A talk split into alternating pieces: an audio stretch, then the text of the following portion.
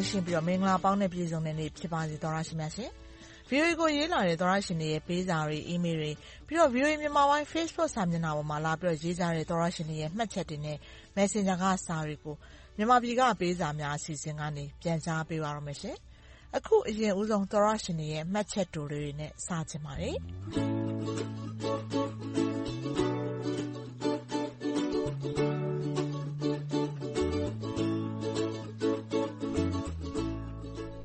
ကျော်ဇောဆိုတဲ့သောတရှင်က VOA ဆိုတာ မြန်မာပြည်သူတို့ရဲ့ မိတ်ဆွေဟောင်းမိတ်ဆွေကောင်းပါ။ဒါလေး ခိုးနားထောင်ခဲ့ကြရတာဆိုပြီး ရေးလာပါတယ်။ကျေးဇူးတင်ပါတယ်နော်။ဦးဝင်းကြီးဆိုတဲ့ သောတရှင် စာပြန်ရေးလာလို့ အခု ဖော်ပြပေးချင်ပါတယ်နော်။ဟိုတပတ်က သူ့ရဲ့စာတစောင် ဖော်ပြပေးပြီးသွားပါပြီ။ဒီတပတ်တော့ သူမေးထားတာလေးက တခြားသောတရှင်တွေလည်း သိချင်မယ်ထင်လို့ ဖော်ပြပေးချင်ပါတယ်။ VOA ရေညက ပြန်စာထုတ်လွှင့်ပေးတာ ကိုယ်တိုင်နားထောင်ကြားလိုက်ရလို့ ဝမ်းသာပါတယ်။ကျေးဇူးပါ။ကျနော်က VOA ပရိသတ်ပါ။စာရေးတာလည်း ဧည့်တခေါက် ပထမဆုံးအကြိမ်ပါ။ရေဒီယိုခေတ်ကတည်းက အားတဲ့အချိန်တိုင်း နားထောင်ခဲ့တာ အခု အသက် ၇၀ ကျော်အထိပါပဲ။အခု မီဒီယာခေတ်မှာ သတင်းဌာနတွေ ပလူပျမ်းနေပေမယ့် အရင်ကတည်းက သတင်းမှန်တွေကိုပဲ ဦးအောင်ထုတ်လွှင့်ပေးတဲ့ VOA မို့ပါ။ အခြားကဏ္ဍတွေကလည်း ဗဟုသုတပေးတာကြောင့် VOA ကိုပဲ နားစဉ်ဖြစ်ပါတယ်။တည်တံ့ပါစေ၊အောင်မြင်ပါစေ။သိချင်တာက VOA ဝန်ထမ်းဖြစ်အောင် ဘယ်လိုလုပ်ရမလဲ။ဖြစ်ရင်ကော အမေရိကန်နိုင်ငံသားအဖြစ် ခံယူလို့ရလား။မြန်မာပြည်ကော ပြန်လာလို့ရလား။လုပ်ချင်လို့မဟုတ်ပါဘူး။အသက်လည်းကြီးနေပါပြီ။အင်္ဂလိပ်စာလည်း မကျွမ်းပါဘူး။သိချင်ရုံပါ။ဝိုင်းတော်သားအားလုံးကျမ်းခံသာလို့ မှာပါစေ။ဟုတ်ကဲ့ပါ ဦးဝင်းကြီး။ မြန်မာပြည်ကပေးစာများအစီအစဉ်ထုတ်လွှင့်နေချိန် Facebook တိုက်ရိုက်ထုတ်လွှင့်မှုအောက်မှာကျေးဇူးတင်ကြောင်းလာရေးလာတာကိုကျမတွေ့လိုက်ရပါတယ်။နောက်ဒီ Messenger မှာလည်းစာလာထပ်ရေးလာလို့ကျေးဇူးတင်ပါတယ်။ဒီမှာကျမစိတ်ထဲကခံစားချက်ကိုပြောရမယ်ဆိုရင်ဒီလိုမျိုးစာတွေပြန်လှန်ရေးလို့ရတာကိုစိတ်ထဲမှာပျော်သလိုလည်းဖြစ်မိပါတယ်။ဒီလိုမျိုးခေတ်မီတိုးတက်လာတဲ့ဆက်သွယ်ရေးတွေကြောင့်သောတရှင်တွေနဲ့အပြန်အလှန်တိုက်ရိုက်ကိုဆက်သွယ်လို့ရလာတာပါ။ပြီးခဲ့တဲ့အပတ်တုန်းကလည်းကျမရခိုင်ဘေးသင့်စာရေးလာတဲ့သောတရှင်တယောက်ကို Messenger ကစာပြန်လိုက်တာမိနစ်ပိုင်းအတွင်းမှာပဲသူလည်းစာပြန်ရေးလာလို့ကျမလည်းသူ့ကိုစာပြန်ရေးအပြန်အလှန်စာရေးလို့ရတာကိုတွေ့ရပါတယ်။ကျမတို့အမေရိကန်ပြည်ထောင်စုနဲ့အာရှဒေသအချိန်ကွာဟမှုကြောင့်သာသောတရှင်အများစုနေ့လယ်ပိုင်းမှာစာပို့လာရင်ကျမတို့စာမပြန်နိုင်ဘူးဖြစ်တာပါ။မြန်မာနိုင်ငံကညဘက်ပိုင်းကျမတို့လည်းဒီဘက်ကနေ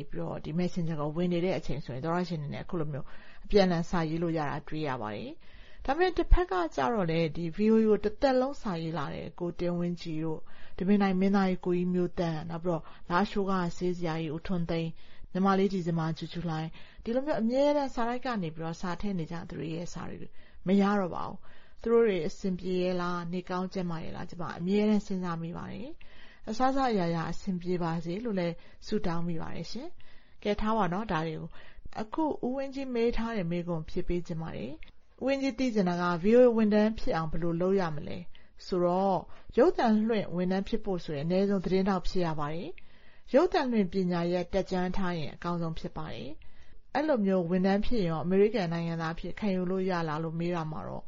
အခုနောက်ပိုင်းမှာအမေရိကန်နိုင်ငံသားတွေကိုဦးစားပေးခန့်ထားတာဖြစ်ပါတယ်။အမေရိကန်ပြည်ထောင်စုအစိုးရအလုပ်အဖွဲ့အစည်းဖြစ်လို့ပါ။မြန်မာပြည်ကောပြန်လာလို့ရလားဆိုရင်တော့မြန်မာနိုင်ငံကလာခွင့်ပြုရင်လာလို့ရပါတယ်ရှင်။ ဟိုးအရင်တုန်းကကျမတို့တော်တော်ကြာကြာပြန်လို့မရဘဲနဲ့နောက်ဦးသိန်းစိန်ကစပြီးအရပ်သားအစိုးရ NLD အစိုးရအရပ်သားအစိုးရပြန်တက်လာတဲ့ခေတ်မှာကျမတို့ခဏခဏမြန်မာနိုင်ငံကိုနှစ်တိုင်းလိုပဲပြန်လာလို့အလုပ်ကိစ္စနဲ့၊နောက်ပြီးတော့အလည်သဘောမျိုးလာလို့ရပါတယ်။စစ်အာဏာသိမ်းပြီးတဲ့နောက်မှာတော့ကျမတို့မပြန်ဖြစ်တော့ပါဘူး။ပြည်ဝင်ခွင့်ဗီဇာလျှောက်ထားဖို့လိုအပ်ပါတယ်။အဲဒီတော့မြန်မာနိုင်ငံကပြည်ဝင်ခွင့်ဗီဇာအဆင်ပြေပြေရရှိတယ်ဆိုရင်တော့ပြန်လာလို့အဆင်ပြေမှာပါ ဦးဝင်းကြီးက လုပ်ချင်လို့မဟုတ်ပါဘူး။အသက်လည်း အတော်ကြီးနေပါပြီ။သိချင်ရုံပါဆိုလို့ အန်ကယ် အခု သိလိုက်ရတာတွေနဲ့ကျေနပ်လောက်ပြီ ထင်ပါတယ်။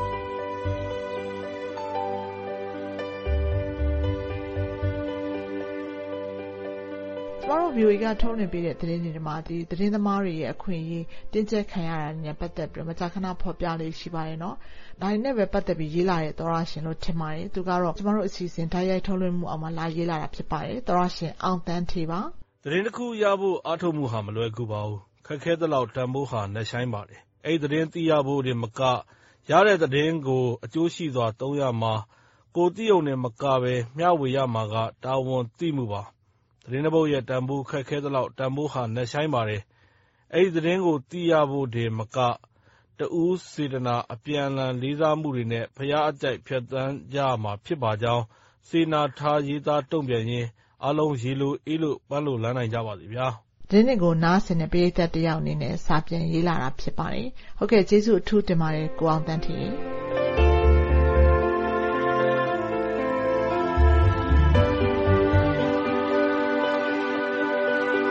မြန်မာနိုင်ငံကလက်ရှိနိုင်ငံရေးအခြေအနေတွေလူမှုရေးရာကိစ္စအဝဝနဲ့ပတ်သက်ပြီးတော့သောရရှင်တွေကိုပိုင်ထင်မြင်ယူဆချက်တွေကိုလွတ်လွတ်လပ်လပ်ထုတ်ဖော်ရေးသားလာတဲ့စာတွေကိုလည်းလက်ခံရရှိပါတယ်ရှင်။ဒီထဲမှာပြီးခဲ့တဲ့တိုင်းသားလက်နက်ကိုင်အဖွဲ့တွေရဲ့ထိပ်သီးဆွေးနွေးပွဲနဲ့ပတ်သက်ပြီးရေးလာတဲ့သောရရှင်တွေရဲ့စာတွေကိုဖော်ပြပေးချင်ပါတယ်။တနိုင်ငံလုံးပြစ်ခတ်တိုက်ခတ်မှုရဲစဲရေးသဘောတူစာချုပ် NCA ကိုလက်မှတ်ရေးထိုးထားပြီးတော့လက်ရှိစစ်ကောင်စီနဲ့ဆွေးနွေးနေတဲ့တိုင်းသားလက်နက်ကိုင်အဖွဲ့ EAO 9ဖွဲ့က မြန်မာ့နိုင်ငံရေးအကျပ်အတည်းဖြေရှင်းဖို့ထိပ်သီးအစည်းအဝေးတရပ်ကိုတော့ထိုင်းနိုင်ငံချင်းမိုင်မြို့မှာမေလ၁၇ရက်နေ့နဲ့၁၈ရက်နေ့နှစ်ရက်ကြာဆွေးနွေးခဲ့တာပါ။ဒါနဲ့ပတ်သက်ပြီးကိုယ်ပိုင်ထင်မြင်ယူဆချက်ရေးလာကြတဲ့အထဲမှာသောတရှင်လရောင်က“ဘယ်တုန်းကများမျှတစွာတွေးတောစဉ်းစားပေးဖူးလို့လဲ။စစ်အုပ်စုကသူတို့ချမှတ်ပေးတဲ့လမ်းကြောင်းအတိုင်းလုပ်ဖို့နဲ့အပေါ်စီးကနေအမြဲနေပါတယ်။တိုင်းရင်းသားလက်နက်ကိုင်အဖွဲ့တွေကလည်းသေနတ်ကိုင်ပြီးကိုယ်ကျိုးစီးပွားရှာတာကလွဲပြီးဘယ်ပြည်သူ့မျက်နှာမှမထောက်ထားပါဘူး ဘယ်မလဲ တိုင်းပြည်ကို စိတ်စေတနာကောင်းနဲ့ တိုးတက်စေချင်တာ။ပြည်သူက မသိတာမဟုတ်ပါဘူး။စာလေးတကြောင်း စကားတခွန်းလောက် ထိခိုက်ရင်တောင်မှ အသက်နဲ့ဘဝအိုးစားကွဲသွားမယ့် ကြက်သရေမရှိတဲ့ ဥပဒေဆိုတာကြီးနဲ့ ဘယ်ပြည်သူကမှ မဟရဲအောင်ရှိတဲ့ ရွှေမြန်မာရဲ့ ဘဝပါဗျာ။သောတရှင်လရောင် သူ့ရဲ့ကိုယ်ပိုင် ထင်မြင်ယူဆချက်နဲ့ မှတ်ချက်ပေးလာတာ ဖြစ်ပါတယ်။ဝဏ္ဏဆိုတဲ့ သောတရှင်ကတော့“ကျနော်မသိလို့ မေးပါရစေ။ NCA လက်မှတ်ထိုးထားပါတယ်ဆိုတဲ့ တိုင်းရင်းသား လက်နက်ကိုင်အဖွဲ့တွေက သူတို့ လက်နက်ကိုင်နေကြတာ သူတို့လူမျိုးအတွက်လား။သူတို့ကိုယ်ကျိုးအတွက်လား။အခုစကစကတိုင်းရင်းသားတွေနဲ့မြန်မာတနိုင်ငံလုံးကပြည်သူတွေကိုမတရားဖမ်းဆီးသတ်ဖြတ်နေတာ။ဒါပေမဲ့သူတို့နဲ့စကစဘာမှမဖြစ်ဘူးဆိုပြီးနေနေကြတယ်။ဒီလိုဆိုလက်နက်ကိုင်တာသူတို့ကိုယ်ကျိုးအတွက်ပဲလို့ကျနော်ထင်တယ်။ VOA ဝိုင်းတော်သားအားလုံးကျန်းမာကြပါစေ ဒါကတော့ ချင်းမိုင်မှာ ကျင်းပသွားတဲ့ EAO အဖွဲ့ ၇ ဖွဲ့ရဲ့ ဆွေးနွေးပွဲနဲ့ ပတ်သက်ပြီး သောတရှင်တွေ သူတို့ရဲ့ ကိုယ်ပိုင်ထင်မြင်ယူဆချက် ရေးလာတဲ့အထဲက စာနှစ်စောင် ဖော်ပြပေးလိုက်တာပါ။သောတရှင်တွေရဲ့ ပေးစာတွေကို ဒီတပတ် ဒီမှာတင် ရပ်ချင်ပါတယ်ရှင်။အားလုံး ပိုမိုကောင်းမွန် အဆင်ပြေတဲ့ နေ့ရက်တွေ အမြန်ဆုံး ပိုင်ဆိုင်နိုင်ပါစေလို့ ဆန္ဒပြုလိုက်ပါတယ်။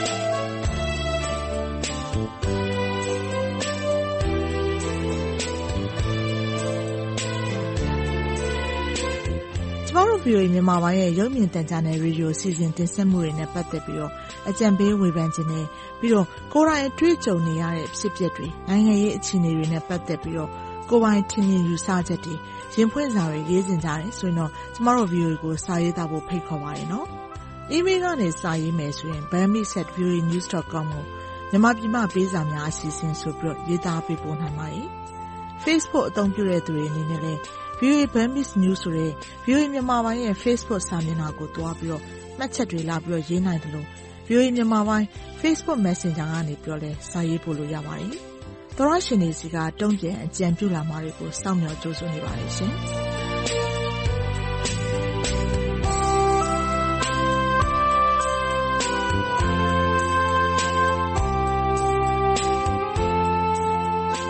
မြန်မာနိုင်ငံနဲ့ နိုင်ငံတကာက ရေးသားပေးပို့လာတဲ့ VOA မြန်မာပိုင်း သောတရှင်တွေရဲ့ ဝေဖန်အကြံပေးစာတွေ၊ရင်ဖွင့်စာတွေနဲ့ ဒေသချင်းတောင်းလွှာတွေကို တနင်္ဂနွေနေ့ ညပိုင်းနဲ့ တနင်္လာနေ့ မနက်ပိုင်း အချိန်တွေမှာ မြန်မာပြည်က ပေးစာများ အစီအစဉ်ကနေ ထုတ်လွှင့်တင်ဆက်ပေးနေပါတယ်။ရေဒီယိုကနေ ဖမ်းယူနားဆင်နိုင်တဲ့အပြင် ရုပ်မြင်သံကြားကနေလည်း ထုတ်လွှင့်ပေးနေသလို VOA မြန်မာပိုင်း Facebook စာမျက်နှာနဲ့ YouTube စာမျက်နှာတို့ကနေလည်း ထုတ်လွှင့်ချိန်နဲ့ တပြိုင်နက်တည်း တိုက်ရိုက်နားဆင်နိုင်ပါတယ်။ လွှင့်ထုတ်ပေးခဲ့ပြီးတဲ့အစီအစဉ်တွေကို Facebook နဲ့ YouTube ပေါ်မှာပြန်ပြီးနားထောင်နိုင်သလို VOA အင်တာနက်စာမျက်နှာနဲ့ဖုန်းပေါ်က VOA App တွေမှာလည်းသွားပြီးနားထောင်ကြည့်ရှုနိုင်ပါတယ်။ကျမတို့ရဲ့ VOA App နာမည်က VOA Burmese ဖြစ်ပါတယ်။ကျမတို့ရဲ့အင်တာနက်စာမျက်နှာလိပ်စာက burmese.voanews.com ဖြစ်ပါတယ်။ကျမအေးသန္တာကျော်ပါ။ VOA ကိုလည်းစာရေးကြပါအောင်နော်။သောတရှင်တွေအားလုံးဘေးအန္တရာယ်ကင်းရှင်း၊ရွှင်လန်းချမ်းမြေ့ကြပါစေရှင်။